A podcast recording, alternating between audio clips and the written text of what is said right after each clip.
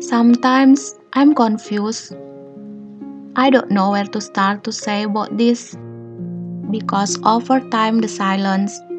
I know someone's heart will hurt, but really this is just people's perspective of us, people's expectation of us.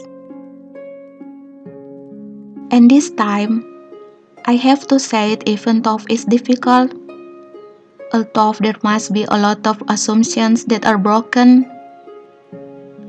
So there's really nothing between us. Not like something people have been describing. We're just friends, nothing more.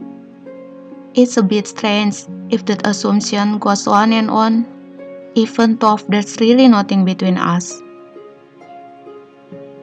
So please stop. Don't make it sound like we have to conform to others' assumptions. It would one sidedly hurt someone's heart greatly.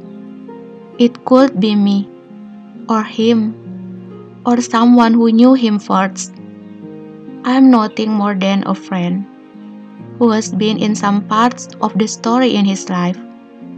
Just that